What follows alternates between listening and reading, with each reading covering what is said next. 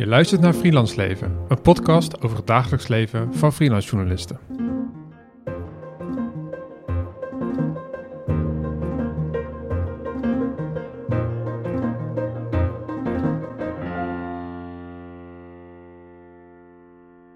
Leuk dat je weer luistert naar een nieuwe aflevering van Freelance Leven. En deze keer is het wel een hele bijzondere aflevering. Eigenlijk om twee redenen. De eerste reden is dat het deze keer helaas niet met Sanne Poot is. Uh, Sanne is helaas gestrand met de trein en kon niet op tijd bij de opname zijn. Uh, daar kon ze niks aan doen, maar we gaan er iets moois van maken. En ten tweede omdat trouwe luisteraars van deze podcast weten dat ik best wel vaak de vergelijking maak tussen freelance journalisten en muzikanten. En dan zeg ik eigenlijk best wel vaak van ja, freelance journalisten kan je het beste vergelijken met muzikanten, want dat zijn ook mensen die zijn intrinsiek gemotiveerd. En uh, die proberen ook vanuit die intrinsieke motivatie werk te maken wat ze belangrijk vinden en dat onder de aandacht te brengen. Om die vergelijking wat kracht bij te zetten, heb ik deze keer een hele bijzondere gast. En zou jij je misschien kunnen voorstellen aan de luisteraars? Ja, zeker. Um, mijn naam is uh, Rick Everts en ik ben net gepromoveerd uh, in de cultuursociologie. Ik heb een onderzoek gedaan naar talentontwikkeling, de carrières van beginnende muzikanten in de Nederlandse live muziekindustrie. Uh, mijn proefschrift heb ik uh, vorige week verdedigd, of nee, niet vorige week, de week daarvoor alweer. En dat was een, een traject van vier jaar waar ik onderzoek gedaan heb naar de live muziekindustrie. en tegenwoordig ben ik beleidsmedewerker bij de cultuurafdeling van de gemeente Utrecht. Ja, ja we zitten nu ook bij de gemeente Utrecht op zes hoog in een kamertje waarvan je net zei... Zeer zuurstofarm. Zuurstofarm, ja. dus... Um, dat ga je wel merken in de loop van het gesprek. Ja, ja we gaan proberen het energieniveau zo hoog mogelijk ja. uh, te houden. En als het echt niet gaat, neem een pauze. Maar dat hoeft de luisteraar niet te weten, want dan knip ik dan eruit. Uitstekend. Um, ja, jij bent dus uh, gepromoveerd eigenlijk op hetgene waar ik zelf altijd naar verwijs. Hè? Van, uh, van, nou ja, we kunnen wat leren van muzikanten. Uh, freelance journalisten kunnen wat leren van muzikanten. Want muzikanten zijn ook vaak zelfstandig ondernemers. Die dus met hun eigen werk proberen de boer op te gaan. Het onder de aandacht te brengen. En zich ook, ja, ook opereren binnen een bepaald machtsveld natuurlijk. Um, ja. Kan jij vertellen waarom... Dus dat gaan we even factchecken. Dat gaan we factchecken, ja. ja, ja. Of ik... we gaan factchecken of ik, of ik deze vergelijking na dit, na dit gesprek nog steeds mag blijven maken. Ja, dat, precies. Dat is een beetje waar, waar ik op hoop.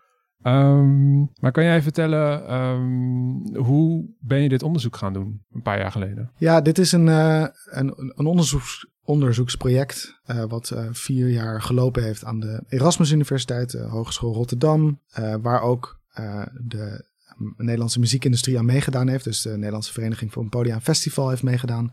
Mojo, de grote concertorganisator, heeft meegedaan. Uh, dit is een project wat ik niet zelf aangevraagd heb, maar waar ik wel bij aan kon sluiten. Daar was ik heel blij mee. Uh, dit pro project heette Pop Live. En wat we eigenlijk gedaan hebben, we hebben in vier jaar lang de Nederlandse live muziekindustrie doorgelicht. Om eigenlijk de vraag te beantwoorden van hoe gezond is die live muziekindustrie uh, nu eigenlijk in Nederland. Ja. Daar hebben we op drie niveaus gekeken naar de live muziek. Dus we hebben gekeken naar nou, wat is de positie van podia festivals in de stad. Wat is de relatie met beleid? Hoe worden podia en festival gebruikt om wijken te ontwikkelen? Maar ook wat zijn de spanningen die daarbij komen kijken? Um, we hebben onderzoek gedaan naar de ontwikkelingen binnen podia en festivals. Er is een bepaalde competitie in Nederland tussen podia en festivals voor publiek, maar ook voor programmering. Uh, dus hoe ontwikkelt zich dat? Wat is de veranderende publieksbehoefte? Uh, dat hebben we in kaart gebracht. En dan het onderdeel het microniveau, het niveau van de maker, dat is het pro project dat ik gedaan heb, ging eigenlijk over de carrières van beginnende muzikanten. Um, de muziekindustrie is de afgelopen 25 jaar enorm veranderd. Uh, dat komt door de komst van het internet, door de komst van streaming. Mensen kunnen nu zelf in een slaapkamer iets opnemen en de wereld inslingeren. Uh, en de vraag is, was eigenlijk van, oké, okay, hoe heeft dat de live muziekindustrie veranderd? Ja. Um, hoe uh, heeft dat de manier van carrière opbouwen veranderd uh, van muzikanten? Dus hoe pakken ze dat nu eigenlijk aan in deze nieuwe context? Dus dat heb ik onderzocht en daarbij heb ik, nou, ik heb uh, bands gesproken, ik heb op popopleidingen onderzoek gedaan en ik heb ook kwantitatieve data verzameld naar succes van acts in de live muziekindustrie. Dus je hebt een hoop interviews gedaan? Ja. Met, uh, met muzikanten? Ja. Hoeveel? Um, ik heb um, twintig muzikanten geïnterviewd. En die muzikanten, dat waren allemaal beginnende muzikanten die net ja. ja, op een showcase festival Noorderslag hebben gestaan. Wat gezien wordt in de Nederlandse muziekindustrie als springplank van jong talent. Dus die heb ik geïnterviewd. Die hebben voor mij ook dagboeken bijgehouden van nou wat zijn nu eigenlijk de werkactiviteiten die horen bij um, bij het opbouwen van een carrière in de muziekindustrie. Uh, daarnaast heb ik op drie popopleidingen in Nederland onderzoek gedaan. Daar heb ik docenten geïnterviewd, een stuk of 10, 12. Ik heb focusgroepen gedaan uh, met studenten. En ik heb alle studiehandleidingen, vakgidsen, et cetera, beleidsdocumenten verzameld en geanalyseerd. Met de vraag van ja, wat zijn nu eigenlijk de bestaande ideeën over hoe je jonge makers, hoe je studenten opleidt voor een carrière in de muziekindustrie. Ja. Uh, en het laatste onderzoek wat ik gedaan heb, was dus die kwantitatieve analyse. Dus ik heb van een aantal van 200 bands die op Noorderslag gestaan hebben, heb ik hun acht jaar in een carrière gevolgd. Uh, en heb ik geturfd van nou, hoe vaak hebben ze opgetreden in de jaren na die start van hun live muziekcarrière. ik heb ook andere variabelen in kaart gebracht. Dus zijn het nou, wat is het gender? Hoe oud zijn ze? Hebben ze een grote boeker? Hebben ze een kleine boeker? Stonden ze in de wereld draait door? En dan ja, statistisch onderzocht of daar samen correlaties waren met succes. Um, um, ja, dus dat zijn eigenlijk de verschillende vormen van data die ik uh, verzameld heb voor mijn onderzoeksproject. Ja, wat interessant. Het is, het is, jouw onderzoek sluit eigenlijk heel erg aan op mijn eigen onderzoek. Uh, omdat freelance journalisten die opereren ook in een, in, een, in een ander soort werkelijkheid dan pakweg 20, 30 jaar geleden. Ja. Dus een grote flexibilisering van arbeid. Ik denk niet alleen in, niet alleen in de journalistiek, maar in de gehele culturele sector. Dat, dat er veel freelancers zijn, of ja, hoe, hoe zou je het noemen? Ondernemers, of, of uh, plakken maar een label op eigenlijk. Ja. Die allemaal op een eigen manier hun weg proberen te vinden binnen de spanningsvelden die er bestaan. Um, jij hebt dat dan in kaart gebracht. Um, hoe zou zo'n nieuwe carrière dan eruit zien van een muzikant? Ja, nou, um, de verwachting was op basis van die, die grote ontwikkelingen in de laatste 25 jaar, dat je dus een heel nieuw plaatje te zien zou krijgen ten opzichte van, van, van hoe het hiervoor was. En dus uh, als je de literatuur leest over hoe het dan in de jaren 80 of jaren 70 eraan toe ging, dan waren carrières heel erg gericht op binnenkomen bij, bij een groot label. Ja. dus dan, dan, dan teken je dus eigenlijk een contract, een platencontract. En dan ben je dus eigenlijk, heb je een soort van werknemerstructuur. Dat je als band in opdracht van zo'n platenlabel uh, ja, muziek uitbrengt. Um, en de verwachting was dat die, die technologische ontwikkelingen op twee manieren uh, de industrie enorm veranderd hebben. Dus op de eerste plaats kunnen mensen kunnen makers nu zelf dingen opnemen en uitbrengen. Je kan zelf alles op YouTube slingeren. Je kan zelf een social media account opzetten. Dus je hebt eigenlijk dat hele label als uh, distributeur heb je eigenlijk niet meer nodig. Uh, en daarnaast heb je natuurlijk streaming, wat een heel nieuw uh, verdienmodel oplevert. Hè? Dus je kan muziek op Spotify uitbrengen, daar heb je ook geen label voor nodig. Uh, en daarmee um, is die hele platenverkoop enorm onderuit gegaan. Dus als je ook kijkt naar eh, de, de, de, statistieken die ieder jaar verzameld worden over nou, CD-verkoop, dan zie je echt dat in de jaren 90 mm. de muziekindustrie is ongeveer, oh, de recorded muziekindustrie is eigenlijk gewoon gehalveerd. Dus dat was een enorme uh, transitie. Er zijn heel veel banen uh, wegbezuinigd bij grote platenlabels. Heel veel bands zijn de contracten van vernietigd in de tijd. En dat wordt nu wel weer langzaam gecompenseerd door Spotify. Dus we zitten bijna weer terug op het oude niveau. Maar de verwachting was dus dat als gevolg van die ontwikkelingen muzikanten meer zelf zouden doen, minder afhankelijk waren van labels, zelf hun eigen publiek konden bereiken, zelf hun eigen inkomsten konden genereren ja. door streaming en door een webshop te hebben en shirts te verkopen, et cetera. Dus dat je de, de droom van het internet. Ja, precies. Ja. ja. en daarnaast, wat daar nog bij komt, is omdat die CD-verkoop zo gekelderd is. En omdat streaming nog niet een uh, betrouwbare alternatieve bron van inkomsten is voor veel muzikanten, is er ook een shift geweest naar de live muziekindustrie als belangrijkste bron van inkomsten. Dus traditioneel gezien werd uh, optreden gezien als een soort van marketinginstrument om aandacht te brengen voor je plaat die je dan verkocht. Uh, en nu is het andersom. Dus je plaat wordt gezien als een soort van marketinginstrument om een tournee aan te kondigen. Ja. en die tournee moet dan de bron van inkomsten zijn. Dus dit was de verwachting. Uh, wat ik en ik heb dit voor een gedeelte ook wel gezien. Dus muzikanten zijn actief op social media, zijn bezig met eigen dingen opnemen. Die hebben een muziek op, opnamestudio aan huis. Moeten ook meer taken zelf doen. Dus taken die traditioneel gezien een onderdeel waren van een label of een boeker, doen ze nu zelf. Dus media-aandacht genereren, distributie, uh, op Spotify terechtkomen, um, clips opnemen, dat soort dingen. Dat is allemaal op hun bordje erbij gekomen. Tegelijkertijd zien we ook dat om er echt tussen te komen, om groot te worden in de Nederlandse muziekindustrie, dat die afhankelijkheid van die traditionele gatekeepers, ja. uh, zoals ik ze noem, nog steeds heel belangrijk zijn. Dus als jij op Lowlands wil komen, ja, dan heb je eigenlijk gewoon een grote boeker nodig die voor jou in kan staan en kan zeggen: ja, deze band, dat is een belangrijke band, die moet jij programmeren, die wil jij hebben. Ja. Uh, dus heel veel makers beginnen enthousiast allemaal dingen zelf te doen, uh, maar die, uh, in, in, hun ervaring groeien ze maar tot een bepaald niveau. Uh, dus eigenlijk zo'n heel. We hebben in Nederland een prachtige talentontwikkelingsketen. Dus je kan op de popronde kun je meedoen. Je kan nog op Noorderslag terechtkomen. Maar dan om vervolgens naar een financieel duurzame businessmodel uh, door te groeien heb je toch eigenlijk een beetje die gatekeepers nodig. Je hebt de Volkskrant uh, nodig en de wereld draait door. In mijn tijd nog, dat bestaat nu natuurlijk niet meer. Um, de grote platenlabels, de grote boekers, die helpen je uiteindelijk om door te groeien naar een duurzaam succes. Dus die afhankelijkheid van die traditionele uh, gatekeepers, die blijft eigenlijk nog best wel groot. Uh, en daarnaast zijn mensen en dan ook nog best wel cynisch over de kracht van social media.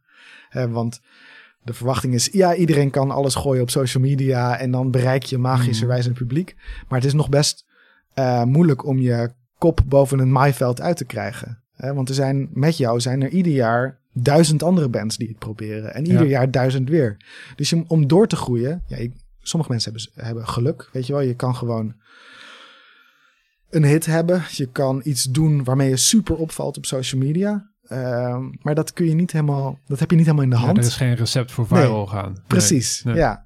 Um, en dan heb je toch ja, reclamecampagnes nodig. Uh, en hoe betaal je reclamecampagnes als je geen geld hebt? Ja, dan ben je toch weer afhankelijk van die traditionele uh, labels, uh, et cetera, die die budgetten meebrengen om dat soort dingen te doen. Ja, wat interessant. De parallellen met een bestaan als freelancer die ik uit de literatuur haal, zijn echt heel makkelijk te maken. Bijvoorbeeld de, de, de gatekeeper, je noemde de Volkskrant al, maar dat is natuurlijk een, een kwaliteitsmerk in de journalistieke wereld. Ja. En wat je dus ook ziet bij veel freelancers, is dat zij um, als freelancer artikelen schrijven voor, voor de NRC, voor de Volkskrant. En dan ook allemaal in interviews tegen mij zeggen van ja, dat betaalt eigenlijk heel weinig. Ja. Maar als ik dan ergens een presentatie mag doen over mijn onderwerp, dan word ik geïntroduceerd als hè, journalist van de NRC, van de Volkskrant. En dan zeg je eigenlijk van zie je wel, ik ben een serieuze journalist. Want uh, er zijn gewoon bepaalde kwaliteitsmerken. En als je daar een beetje aan hè, tegenaan schurkt of aan vastplakt, dan zeggen andere mensen buiten de sfeer van journalistiek, die zullen wel zeggen van. Nou, ja, dat is dan wel een echte journalist. Die kunnen we dan wel serieus nemen. Precies. Ja, ja dus ja. Eh, dat uh, heet geloof ik uh, status by association. Mm. Dus als jij je weet te liëren met een succesvol merk in jouw, uh, in jouw domein, dan, dan wrijft die, dan slaat die status over op jou. Dus dat verbetert je reputatie aanzienlijk. Dus dat is ook een, uh, een strategie. Dus je moet een grote boeker krijgen aan je kant. Ja. En wat dan grappig is, is dat sommige van die, van die gatekeepers in de muziekindustrie, die hebben eigenlijk, als je plat economisch bekijkt, hebben ze aan kracht verloren. Dus bijvoorbeeld, uh, 3FM was een heel populair ja. Is op zich nog steeds best een populair radiostation. Maar als je kijkt naar het aantal luisteraars, is dat enorm, heeft dat enorme kracht ingeboet. Uh, en dan die bands die zeggen van ja, heeft het nou nog zin om talent van de week daar te worden? Want uh, wie luistert er nou nog naar? Maar iedereen die wat afweet van hoe het werkt in de muziekindustrie, die zeggen doe dat toch maar. Want dan vervolgens kun je de hele muziekindustrie rondlopen van ja, ik was talent van de week. Dus uh, ik, ik ben een beloftevolle act. Ja. Um, uh, dus dat is uh, interessant. En ook wat mensen ook doen, uh, en dat is wat je ook omschrijft, is dat je ja, toch als je een, een optreden mag doen voor 150 euro bij een prestigieus festival. Ja, als je financieel kijkt, dan leef je erop in. Maar ja, de hoop is dat dat status oplevert die je dan later in de toekomst kan verzilveren. Ja, Ja, in de literatuur zijn twee termen die mij... eh, een, aan de ene kant heb je complementary work. Dus dat het, ene werk is complementair aan het andere. En dat, dat, dat zorgt voor een ander soort financiële werkelijkheid uiteindelijk. En eh, er is ook literatuur over carrières van journalisten. En er worden allemaal typificaties van carrières gemaakt. En een van die typificaties is prospect work. Ehm, en dat is dan de omschrijving dat je heel hard werkt eh, voor heel weinig geld met idee dat je als een prospector, dat is een soort, soort mijnwerker, dat je dan uiteindelijk een soort gouden nugget vindt. En dat is dan meestal een contract bij een prestigieuze krant of, of waarschijnlijk bij een platenlabel.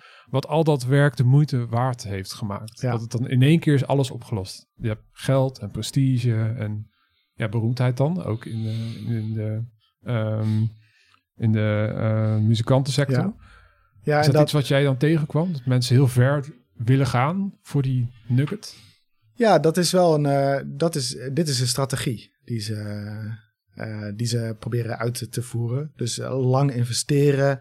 En in mijn, eh, in mijn eh, proefschrift noem ik dat ook eh, milestones, in het Nederlands wapenfeiten. Dus Ja. ze proberen prestaties binnen te halen die niet per se economisch direct iets opleveren, maar die wel bijdragen aan je geloofwaardigheid als band. Dus bijvoorbeeld een tour in het buitenland doen is heel prestigieus, want dat laat zien van hé, hey, ik doe het goed over de grens. Ja. En of je nou in Italië in drie kroegen staat of niet, eh, en of er nou man publiek is of, eh, of vijf, dat maakt dan eigenlijk helemaal niet zoveel uit. Dus het is een investering die ze doen Ja. in de verwachting dat ze dat vervolgens kunnen verzilveren door naar een boeker te gaan van hey, ik ben groot in Italië, dus ik ben een beloftevolle, beloftevolle act.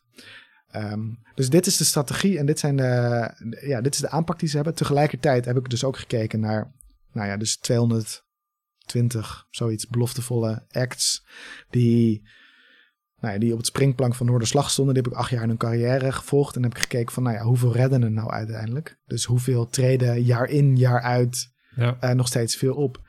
En de meeste verdwijnen. Ja, wat super interessant is, want de industrie zelf zegt hierover: dit zijn eh acts om in de gaten te houden. Dus ze hebben eigenlijk al, de industrie zelf heeft al eigenlijk een soort, soort eh, politiek kapitaal aan hun toegekend van zij gaan het waarschijnlijk worden. Ja. Ja. En als je dan kijkt, na vijf jaar is eh 50% van de bands verdwenen. En na acht jaar driekwart van de bands. Hmm. Eh, die treden dan niet meer op, dus die verdwijnen. Dus er is dan, dan ook, als je alle dingen goed doet en als je deze strategie eh, nastreeft, dan verdwijnen er nog steeds een, hele hoop. Dus in, eh, in, eh, in de popmuziekliteratuur heet dat een, wordt dat een superstar economy genoemd. Dus dat betekent dat de, de economie van de muziekindustrie werkt eigenlijk zo dat er aan de top zijn er een paar mensen die eigenlijk alles pakken. Die, die ook als je kijkt naar de salarissen, de meeste 50% van de bands die verdienen minder dan 2000 euro voor een show. En dat is echt heel weinig, want je manager moet er nog vanaf en je boeker moet er nog vanaf en je busje moet er nog vanaf en je geluidstechnicus. Dan moet je het nog delen door alle bandleden en dan moet je er ook nog belasting over betalen. Ja. Dus dat zijn bedragen waar je zeg maar een week boodschappen van kan doen of zo. Nou, nou overdrijf ik misschien een beetje, maar dat, zijn, dat is niet iets waar je rijk van wordt. Dus dat is 50% van de, van de optredens. En dan zijn er een paar die 20, 40 eh, duizend euro voor een show pakken. Eh, dus de verdeling van inkomen is ook heel oneerlijk. Dus zelfs als je al deze stappen eh, eh, goed doet, dan is het, het topje is gewoon heel smal. Ja. Ehm, en ehm, die, die, die sterren die trekken ook meer succes aan. Als je eenmaal een superster bent, dan heb je gegarandeerd meer aandacht voor je volgende plaat. Ja. En dan willen ze je ook allemaal hebben. Ja. Eh, dus dat betekent dat het een soort van, ja, een soort van sneeuwbaleffect heeft. Als je eenmaal dat, dat label van superster krijgt, dan gaat het steeds makkelijker. Ehm, dus eh, dit is wel het beeld van dit is hoe je het moet doen.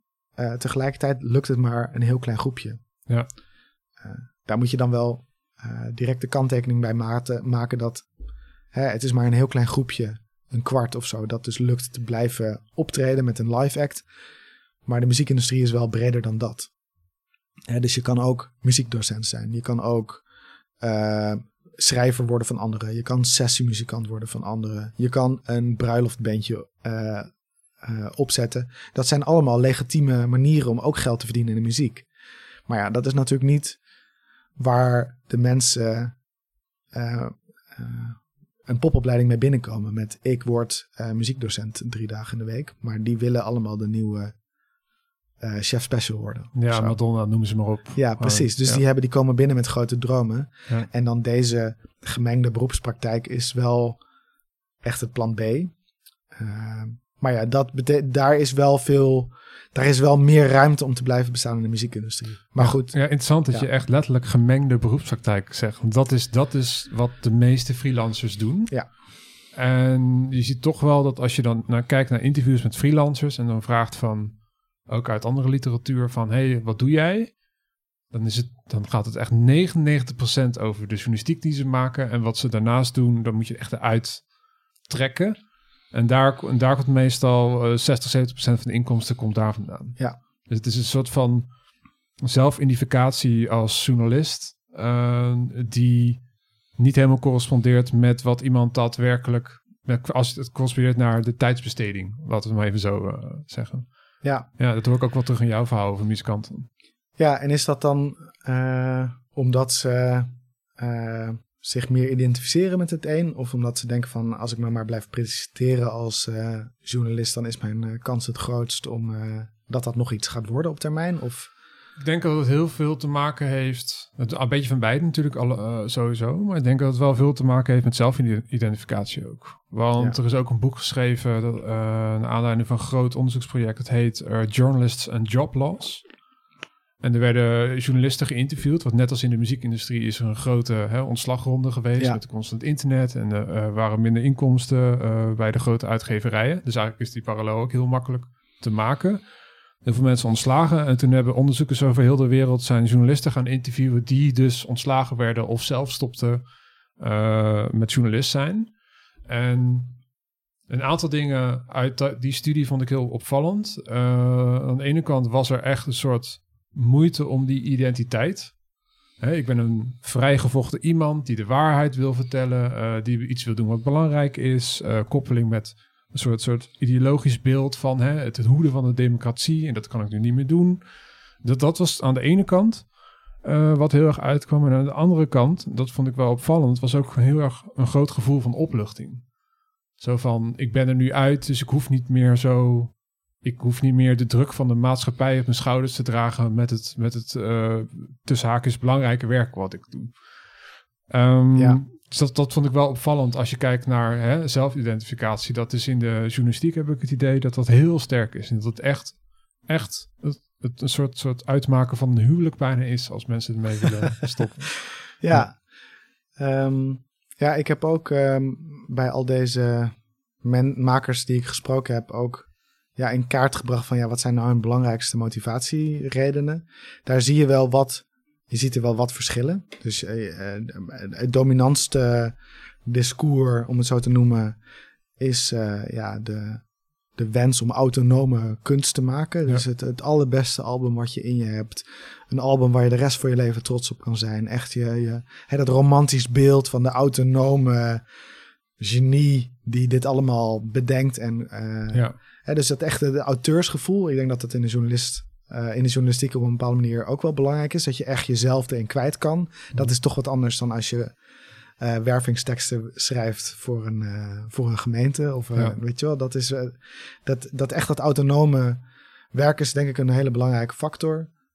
tegelijkertijd zijn er ook mensen die wel economisch die economische motieven toch wel echt belangrijker hebben. En die ook bereid zijn om wat meer concessies te doen. Dus in het type muziek wat ze bedrijven. Die ook wel denken van oké. Okay, niemand zegt van uh, ik maak mijn muziek uh, zwakker of cheaper om succes te bereiken. Maar wel ik ben wel bezig met het bereiken van een publiek. Dus ik vind het ook wel belangrijk dat er naar geluisterd wordt. En mijn doel is er ook om van de muziek te kunnen leven. Ja, iets meer vierkwartsmaat, iets minder polyritmes. Misschien. Ja, precies. Ja. ja. En dan zeggen ze allemaal dat vierkwartsmaat natuurlijk ook een prachtig maat is. En dat dat ook een hele mooie muziek oplevert. Ja. Maar goed, die hebben dus wel een iets andere ideologie.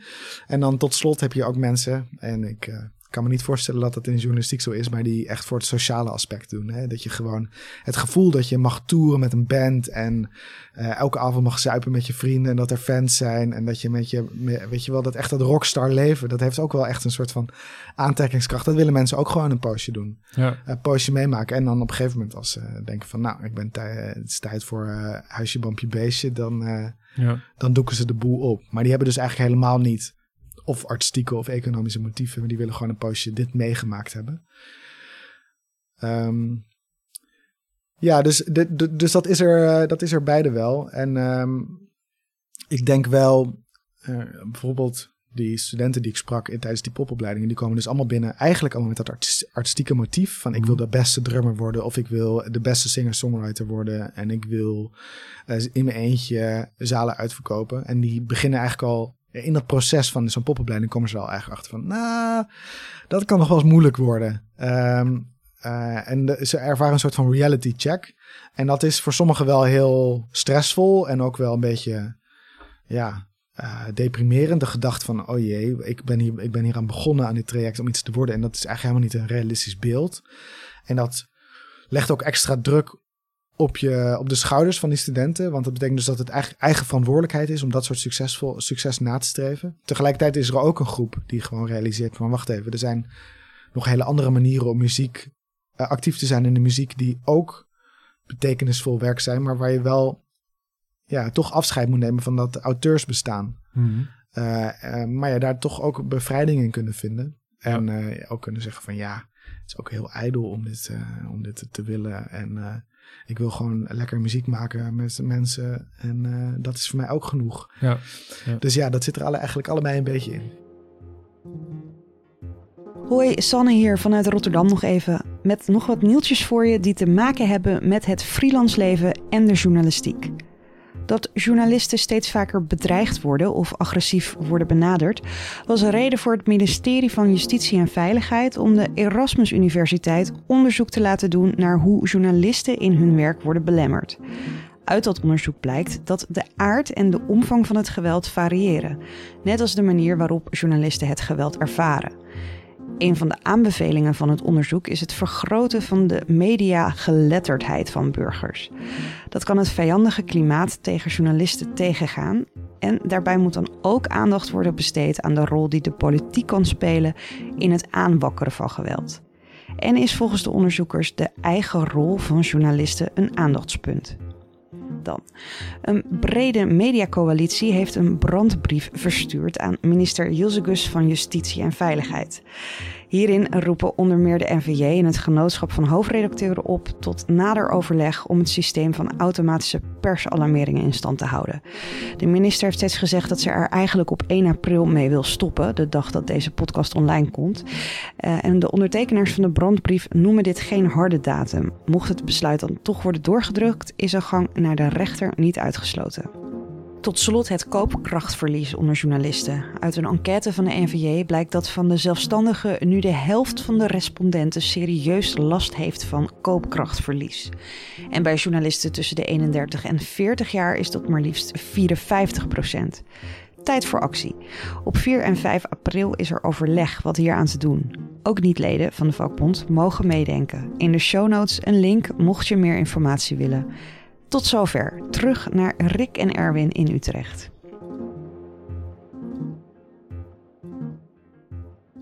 Ja, ja, het is heel interessant. Het, uh, het doet me wel denken aan, in mijn eigen onderzoek um, ben ik nu bezig met, uh, met mental model theory. En dat, dat houdt eigenlijk heel, heel kort in dat, dat als jij een bepaalde industrie instapt, bijvoorbeeld de journalistieke industrie, dan heb je een bepaald mental model, een mentaal model van wat je kan doen om het te maken binnen die industrie. En, en de theorie is dan hoe meer je je binnen die industrie beweegt, hoe meer je je, je uh, leert wat, wat zijn de machtsstructuren hier. Wat zijn nou echte mogelijkheden? Bij wie moet ik zijn? Gewoon allemaal van dat soort, dat soort praktische facetten. En dan verandert eigenlijk bijvoorbeeld een, een, ik geef wel eens het voorbeeld van een actrice bijvoorbeeld. Die zou dan naar Hollywood gaan met het idee van, ik word een nieuwe Margot Robbie. Dus ik ga naar, ga naar Hollywood en daar ga ik uh, fabulous een, een acteerleven krijgen. Nou, dan kom je daar en dan zijn er gewoon duizenden mensen zoals jij die diezelfde droom nastreven. En dan wordt je mental model wordt steeds beter van wat, hoe zit die industrie nou precies in elkaar? Waar moet ik zijn? Wat zijn mijn kansen? Wat zijn mijn uh, tekortkomen? En op die manier kom je dan eigenlijk uit, uit op iets wat jij, wat realistisch is. Dat je stappen kan maken die realistisch zijn voor jou. Ja, en daar komt natuurlijk ook heel veel geluk bij kijken. En, wie ja. je tegenkomt natuurlijk. Ja, ja, nee, dit, uh, dit, dit herken ik erg. Ik wil je wel de, de opmerking bij maken dat, uh, weet je wel, een realistische carrière. Dat betekent niet per se dat het een goede carrière is. Want mm. in de muziek wordt, ook als je deze gemengde beroepspraktijk hebt, wordt er niet vervolgens wel uh, veel verdiend. Hè? Dus het blijft voor heel veel mensen toch een beneden modaal beroep. Ja. Um, dus dat, ja, dat roept bij mij soms wel de vraag op van... Ja, wat is die muziekindustrie? Wat is een, wat is een carrière in de muziekindustrie eigenlijk? Ja. En is dat wel een soort van beroepspraktijk uh, die, je, die je zo kan verkopen als van, hé, kom deze opleiding doen, dan word je actief in de muziek. Ja, dat is wel, het is echt belangrijk dat je aan de voorkant realistisch bent van, oké, okay, ja. als je dit wil, dan moet je dat zeker doen. Ik zou ook niemand weerhouden van een carrière in de muziek na te streven als dat je droom is. Maar we, weet wel dat, dat, dat het dan vervolgens heel moeilijk is om, uh, om, je, om je geld te verdienen in de muziek. En ik kan me ook heel goed voorstellen dat je zegt van, uh, nou ja, mijn band, ik wil heel graag toeren met mijn band en prachtige muziek maken. Dat doe ik twee dagen in de week. En drie dagen doe ik gewoon iets helemaal buiten de muziekindustrie. Ja. Uh, voor sommigen, en dat is misschien een beetje cynisch, is dat eigenlijk een veel duurzamere manier om actief te zijn met, uh, met de muziek. Want als je zegt van ik doe uh, acht jaar stort ik me helemaal op mijn band en ik zet alles op alles en het is alles of niets. Ja, dan is het waarschijnlijk niets aan het einde van de streep. Terwijl als je, uh, als je al een direct een duurzame manier van actief zijn in de muziek uh, inricht van drie dagen werk ik, doe ik iets, iets helemaal buiten muziek en twee dagen voor mijn band. En zo kan ik mijn huur betalen en kan ik een auto kopen en, en Ja. kan ik met mijn band actief zijn. Dan is dat misschien eigenlijk wel veel verstandiger tegelijkertijd, dat is ook wat mensen zeggen, van ja, als je zo je carrière begint, ja, hoe word je dan uh, ooit de nieuwe Kensington? Klinkt niet uh, echt rock'n'roll, nee. Nee, precies. Ja, Ja. en als je als jij uh, ertussen wil komen in de journalistiek, dan moet je ook even een periode alles op alles zetten. En ja, dan moet je misschien ook accepteren dat het kan mislukken, want dat is de realiteit. Ja, ja het is ook, het is ook um, uh, ja, een carrière wordt dan wel vaak omschreven als een soort, soort, soort trap, hè? Dat je gewoon, gewoon hup, steeds een treedje omhoog en op een gegeven moment dan ben je manager of weet, ik veel, directeur of zo. En eigenlijk in de creatieve industrie is het meer een soort rollercoaster. Met allerlei onverwachte twists en turns. En, en je kan ineens heel diep vallen en ineens heel hoog. Dat, dat, dat, dat moet ook wel iets met je doen of zo. Hè? Dat idee van, misschien bij, bij muzikanten ook, van ah, als ik, hè, ze zitten nu hier, maar als ze dan het album ineens uitbrengen en het is ineens een soort van lightning in the bottle, dan kunnen we ineens daarboven Ja. staan. Ja, de, de hoop op een hit, uh, die compenseert een hoop. Dat je gewoon denkt van ja, als het... Je hebt een hit heb je toch, uh, bedoel, je kan heel veel dingen heel slim doen in de muziekindustrie. En dat maakt denk ik echt al wat uit. Maar een hit heb je uiteindelijk toch niet helemaal in de hand. En dat kan in één keer je hele leven anders maken. Ja. Um, maar ja, dat is wel. Uh, dat is niet iets waar je aan de voorkant op kan rekenen. En dat soort dingen kunnen ook heel kort. Het kan ook heel kort zijn. Dus uh, bijvoorbeeld wat tegenwoordig echt een verschil kan maken uh, in de muziek is als je opgepikt wordt door een playlist op Spotify. Hè, als jij in een indie lo-fi coffeehouse playlist terechtkomt, dan word je vervolgens een paar maanden over heel de wereld gestreamd. En als je dat miljoenen streams oplevert, dan, kan, dan, hè, dan kun je er opeens een paar maanden van leven. Maar ja, jij hebt niet in de hand wanneer je weer uit die lijst geknikkerd wordt. En als je eruit geknikkerd wordt, dan ben je ook zo weer weg. Ja. Dan droogt het in één keer weer op. Um, dus hopen op de hit is ook niet een...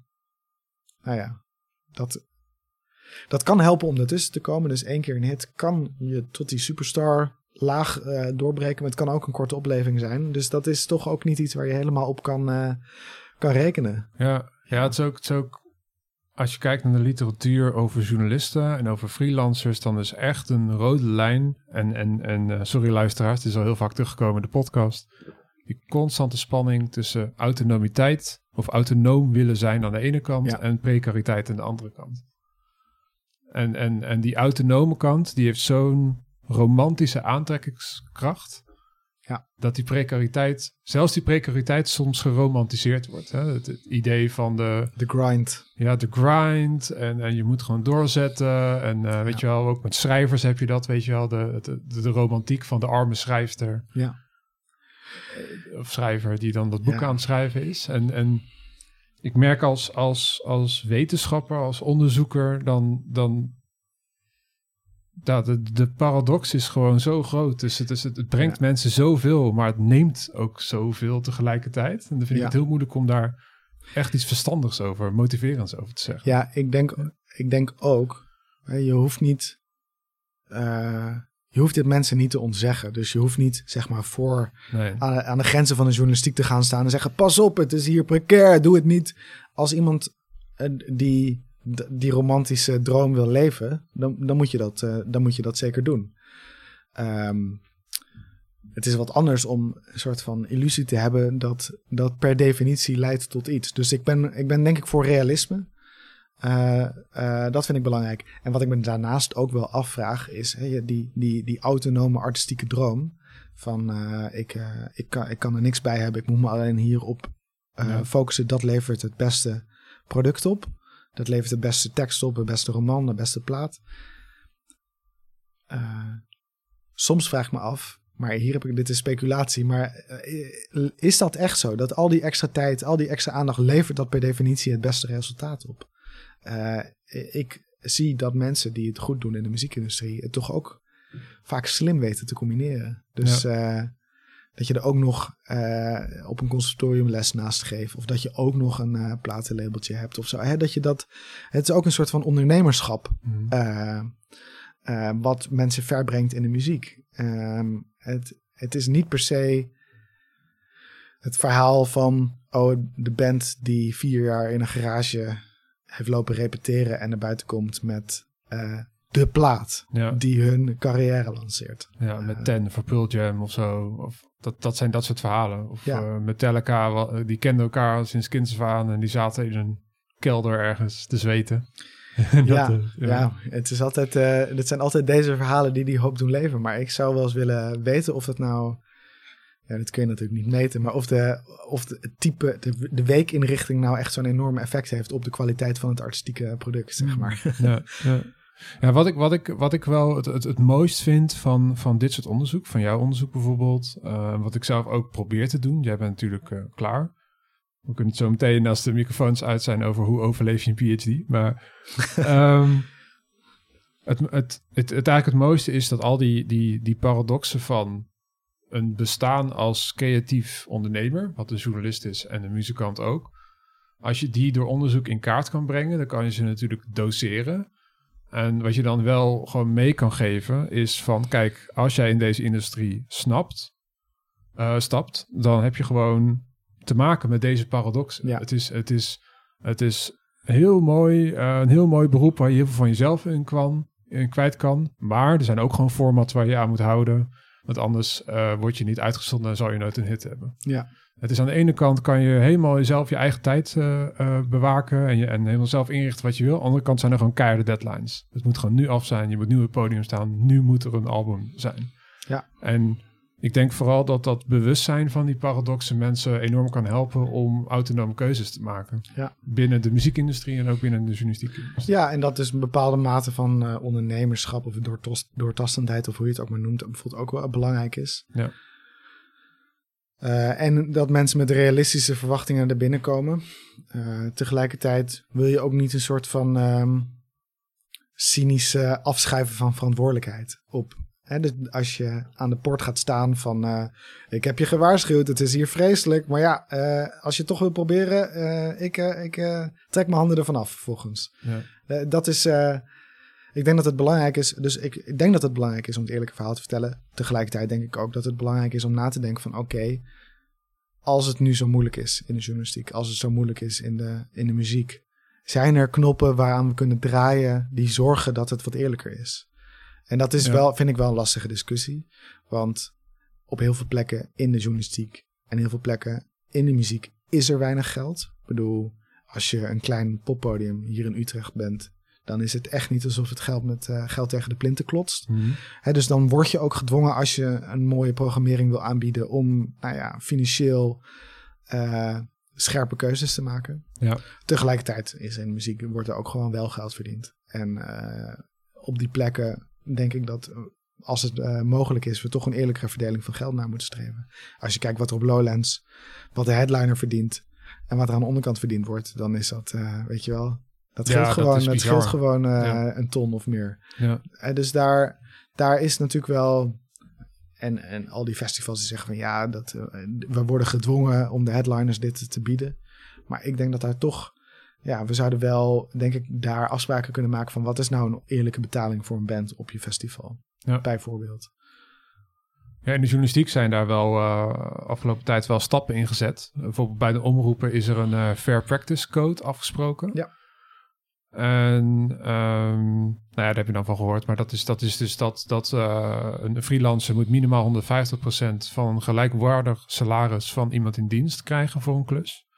Ja, dat soort afspraken zijn wel heel netjes. In de muziekindustrie lijkt me dat echt zo ingewikkeld. Dat, dat als jij Ramstein wil, ehm, ik, noem, ik noem allemaal rock en metal bands, merk ik. Als jij, eh, nou, als jij Ramstein wil, met, met, met vlammenwerpers en zo, die, komen gewoon, die komen gewoon niet als je zegt van ja, we gaan wel eh, veel minder betalen. Klopt. Ja, Maar je zou het wel om kunnen draaien. En je zou Ja. kunnen zeggen van nou, wat, is, wat vinden we nu met elkaar een eerlijke betaling aan de onderkant? ja, eh, daar afspraken over kunnen maken en dan vervolgens de begroting als zodanig inrichten. Ja, dan betekent het misschien maar dat je, dat je als festival, hoeveel headliners heeft een festival nodig om eh, zijn kaarten te verkopen? ja. Ik moet zeggen, dat weet ik niet. Maar het lijkt me dat je niet eh, elke avond eh, op Lowlands eh Ramstein hoeft te boeken om, om, om een festival mooi uit te verkopen. Tegelijkertijd wil ik ook hier weer. Ja, dat is wat je krijgt als je een wetenschapper uitnodigt in een podcast. Dan krijg je elke keer nuance op nuance. ja. Het is ook wel zo dat er in de, muzikant, in de muziekindustrie aan de, aan de onderkant bands actief zijn die ook helemaal niet per se ambiëren van de muziek te, te leven. Hè. Die willen Ja. gewoon lekker rocken en toeren met hun vrienden. Ja, eh, dan is het. eh, en die, eh, die verkopen misschien helemaal niet zoveel kaartjes. Die hoeven misschien niet eh 5000 euro te krijgen op een avond. Ik bedoel, zeggen ze natuurlijk geen nee, zeg, nee tegen, maar ja, die vinden het gewoon te gek om te toeren ja, en dat is, om dat, dat die beleving de, dat is op de rand van wat is een rand van hobbyisme, zou Ja. ik zeggen. Ja, en als we iedereen die met één teen in de muziekindustrie eerlijk moet gaan betalen, dan, dan, dan wordt het natuurlijk wel heel lastig. Ja. Ik, Ja, weet niet, ik weet niet hoeveel hobbyisten journalisten er zijn, maar dat, ik kan me voorstellen dat dat voor de, de arbeidsmarkt van journalisten die een professionele carrière ambiëren wel ook vervelend is als mensen zeggen van nou ik doe het wel voor minder, want ik vind het gewoon alleen al heel leuk om het te doen. Ja, of heel belangrijk om een verhaal te vertellen. Ja. Dat, dat is wat je in de journalistiek eh, wel wat vaker hoort.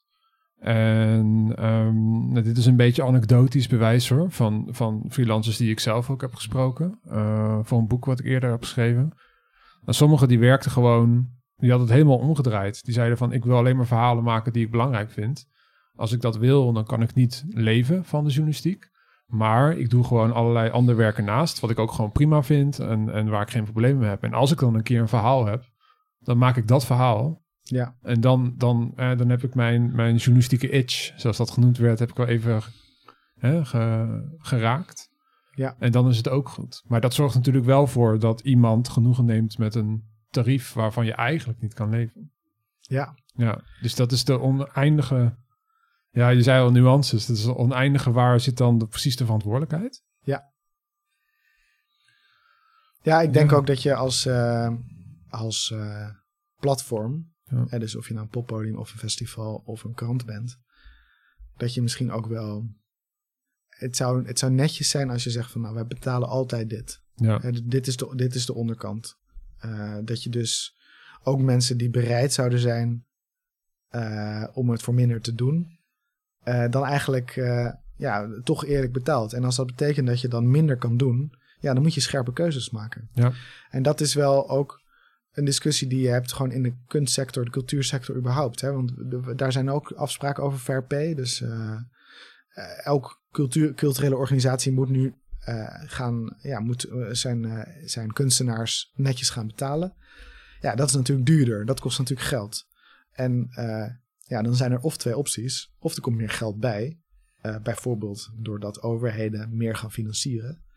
Of je doet minder. Ja. En um, ja, uh, ik denk dat het ook soms toe zal leiden dat je gewoon met elkaar moet afspreken: oké, als we dit zo belangrijk vinden, dan kunnen we dus minder doen met elkaar. Ja. En dan maak je dus ook de, de arbeidsmarkt kleiner. Hè, dat je dus zegt van, nou ja, wij hebben bij uh, deze krant hebben we plek voor uh, eh, 40 freelancers in plaats van 60, want we willen ze wel allemaal netjes betalen.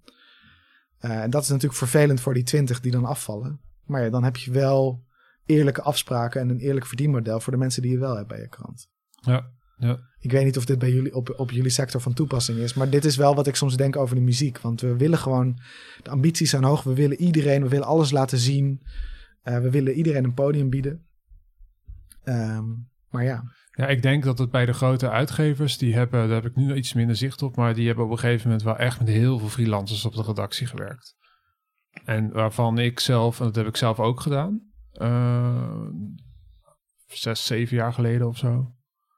En toen dacht ik op een gegeven moment wel van als je gewoon een paar mensen nu aanneemt, dan heb je die losse schil misschien wat minder, die flexibiliteit misschien wat minder, maar dan kan je gewoon iedereen normaal betalen. Ja. En uh, wat je ook ziet is dat er in de journalistiek allerlei eigen initiatieven ontstaan. Je hebt uh, Investico, je hebt Follow the Money, je hebt allemaal onderzoekscollectieven. Ja. En die betalen freelancers allemaal per maand. Dus die geven maandbedragen voor hun werk ten opzichte van grote uitgeverijen die nog steeds uh, toch wel vaak woordprijzen hanteren. Ja. Maar ja, dat is, dat is hè, een, een artikel van, van duizend woorden. Daar kan je, kan je een dag mee bezig zijn geweest. Maar als er echt veel onderzoek in zit, dan kan je, ben je nou veel meer tijd mee bezig geweest. Ja. Dus je ziet wel dat freelancers eigenlijk zelf hun eigen boomhutten uh, opbouwen. En dan ook natuurlijk heel erg bewust zijn van wat is het nou zo'n bestaan als freelancer. Dus hoe gaan we dan met freelancers om, zodat ze dus ook naar tevredenheid goed werken kunnen leveren. Ja, en je hebt natuurlijk uh, als platform, ik noem het maar even zo, bij gebrek aan een beter woord, maar uh, heb je de luxe dat er gewoon heel veel aanbod is. Uh, en dat is bijvoorbeeld ook op, uh, op een universiteit zo. Hè, dat iedereen die wil wel op een universiteit werken, want dat is hartstikke prestigieus. Uh, dat betekent ook dat je hoge standaarden kan creëren. Dus prachtig lesaanbod met heel veel werkgroepen, waar je dan een hele schil van onzekere contracten van werkgroepdocenten omheen kan ja. hebben. Want iedereen die wil dat wil doen. Dus iedereen is bereid om voor minder dan wat ze waard zijn, die klussen te accepteren. Ja. Um, en vanuit de positie van zo'n werkgroepdocent of een freelance journalist of een band die op uh, Pinkpop uh, op een uh, zijpodium kan staan, begrijp ik dat heel goed. Weet je wel, je, je schrijft voor de Volkskrant, je staat op Pinkpop. je mag lesgeven op de universiteit. Dus misschien wel de minst prestigieus van de drie, maar goed. Um, maar ja, dan maak je dus, dan, dan kun je dus als platform eigenlijk een soort van bepaalde kwaliteit serveren. voor een prijs die lager is dan wat het eigenlijk waard is. En ik zou het net vinden dat je als platform afspreekt van oké, okay, wat vinden we dit soort werk waard? Ja. Dat betalen we. En dan vervolgens gaan we kijken hoe we de krant gevuld krijgen. Of de werkgroepen gevuld krijgen. En uh, ja, als dat betekent dat je, dat je niet alle werkgroepen kan geven, dan moet je nadenken over andere lesvormen. De, de, de, de basis is dat je eerlijk betaalt.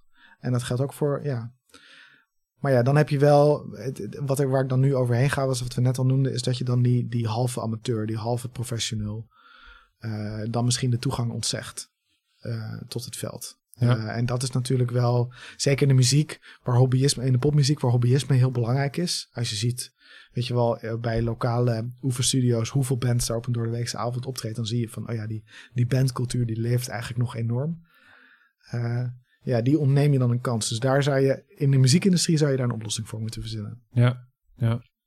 Ja, heel mooi. Ik denk dat dat, dat, dat in de journalistiek is het toch wel interessant dat als het gaat over de toekomst van de journalistiek, dat het toch wel vaak ideologisch gedreven is. En dat snap ik ook wel heel goed. Hè? Uh, goede, goede verslaggeving is goed voor een goed werkende samenleving, geïnformeerde ja. burgers.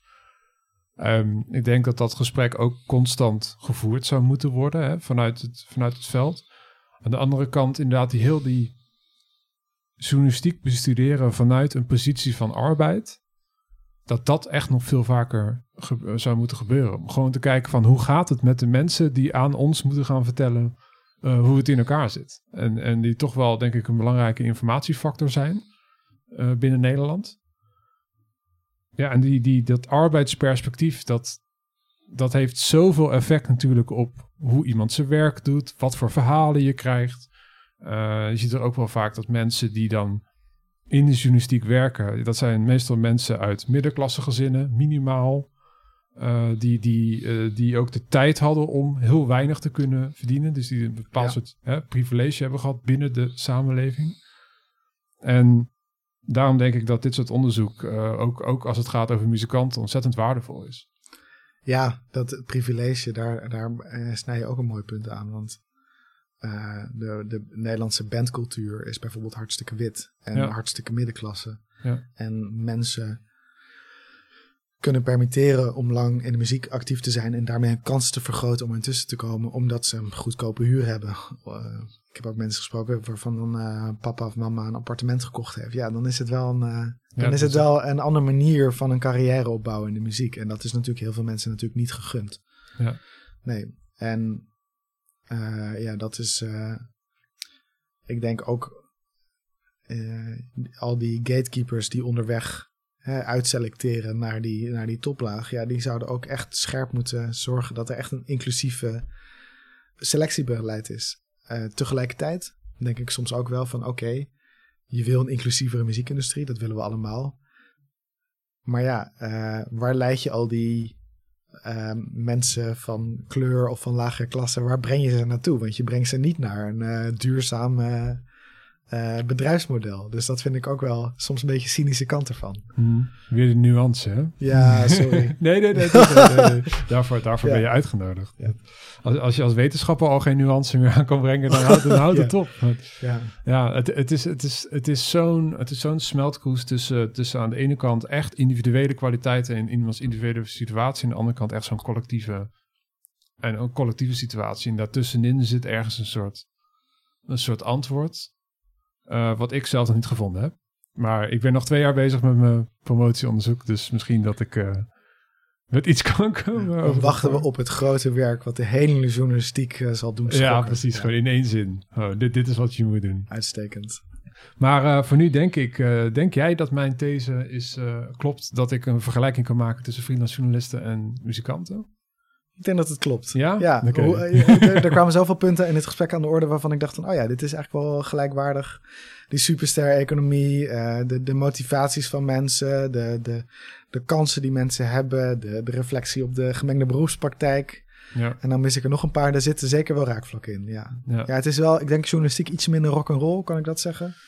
Ik denk iets minder rock'n'roll en iets meer dat je, dat je, het, dat je het ook doet vanuit een, een breder maatschappelijk gevoel. Dat je het echt hè, een idee uitdraagt voor anderen, zodat anderen een beter leven kunnen hebben. Versus de kunsten als het grote ideaal. Ja, de Ja. kunsten en de, de vrijgevochtenheid. Maar Ja. dat, dat, eh, nu, nu ben ik weer de wetenschapper die nuance. Dat, dat verschilt natuurlijk per persoon en hoe je de journalistiek eh, interpreteert.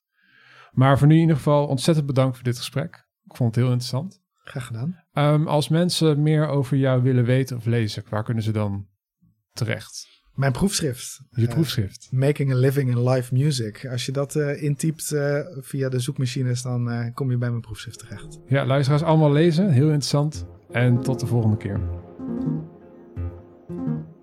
Freelance Leven wordt mede mogelijk gemaakt door het Lira-fonds ReproRecht. Mijn promotieonderzoek, dat ten grondslag ligt aan deze podcast, wordt mogelijk gemaakt door Stichting Democratie en Media en het Stimuleringsfonds voor de Journalistiek. Wij zijn er volgende maand weer met een nieuwe aflevering. Tot dan!